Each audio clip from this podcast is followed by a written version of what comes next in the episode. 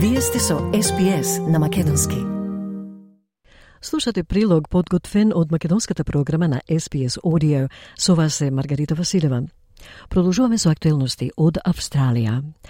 Рон Бараси, првиот играч што беше инаугуриран во домот на славните на австралискиот фудбал AFL, почина на 87 годишна возраст.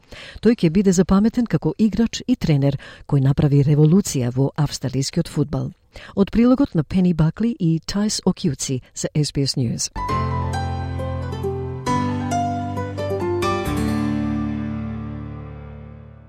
Barassi handballs it out to the open space. Play out on his own. This boy will show you what to do with it with a yard start. Barassi of Melbourne comes in to get the ball. He turns onto his left foot. And there goes the siren to end what has been a disappointment. Рак Роверот, кој ги персонифицираше вредностите на цврстина и решителност, првиот играч да биде одликуван во домот на славните на AFL, Рон Бараси, почина на 87 годишна возраст.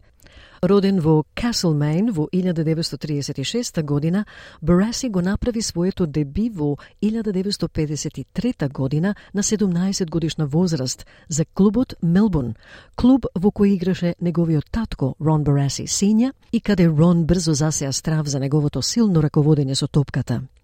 Неговата решеност надвор од теренот да игра за страната на неговиот татко доведе до воведување на правилото татко-син, кое останува и ден денес во АФЛ. Тој продолжи да помогне на Мелбурн да освои шест шампионски знамења во златниот период за клубот во 1950-тите и 60-тите години.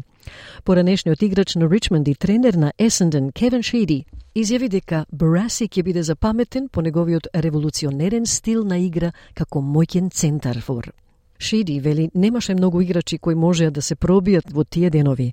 Бараси на вистина ја однесе играта на друго ниво и ја промени со само една игра. He was a powerhouse in his team and uh, there were not many players of that ilk and size that could burst through packs in those days and he really took the game to another level. He played in a great Melbourne footy club inside at that period, so it was hard to be great in a great side.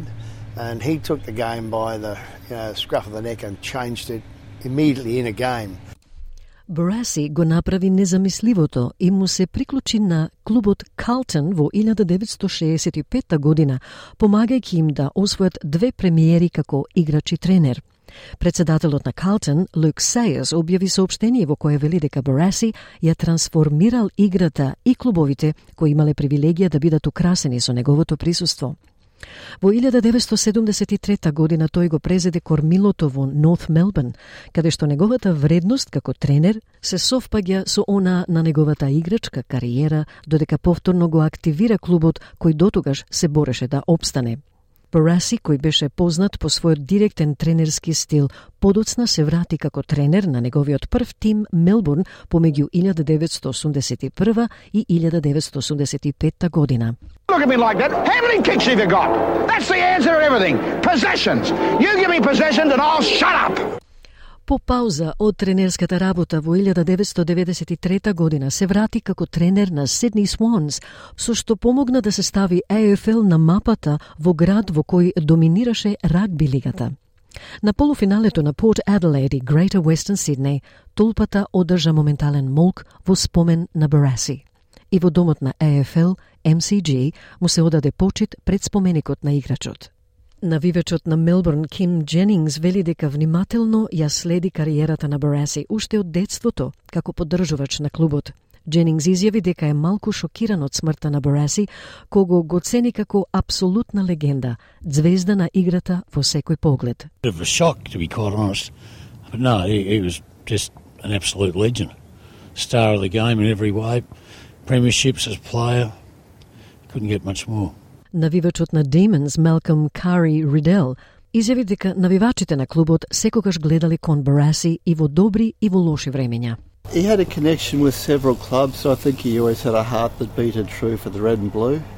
When they won the flag in 2021, I think he was the one who Melbourne supporters wanted to hear from. He was the one who was front and centre. И покрај неговото влијание врз толку многу клубови, тој редовно и гордо беше обвиен во црвено-синиот шал, бодрејки го својот прв клуб Мелбурн.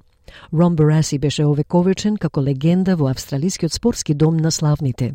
Биографот Питер Лейло за ABC изјави дека очекува целосни почести за AFL легендата на денот на финалето во MCG, каде Бараси освои шест премиери. It's almost impossible to pay fitting tribute to Ron. It almost felt wrong that we were playing football last night on the day that Ron died, but of course we had to.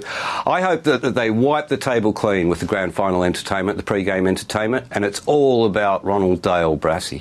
Премиерот Антони Албанезе исто така одаде почит во објава на X, порано позната како Твитер, велики дека името и наследството на Бараси ќе бидат запаметени се додека се игра фути. Владата на Викторија ќе му понуди државен погреб на семејството на Рон Бараси, човекот запаметен по тоа што го посвети својот живот на играта што ја сакаше.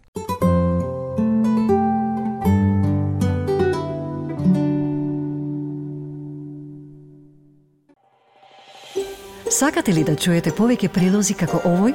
Слушате подкаст преку Apple Podcasts, Google Podcasts, Spotify или од каде и да ги добивате вашите подкасти.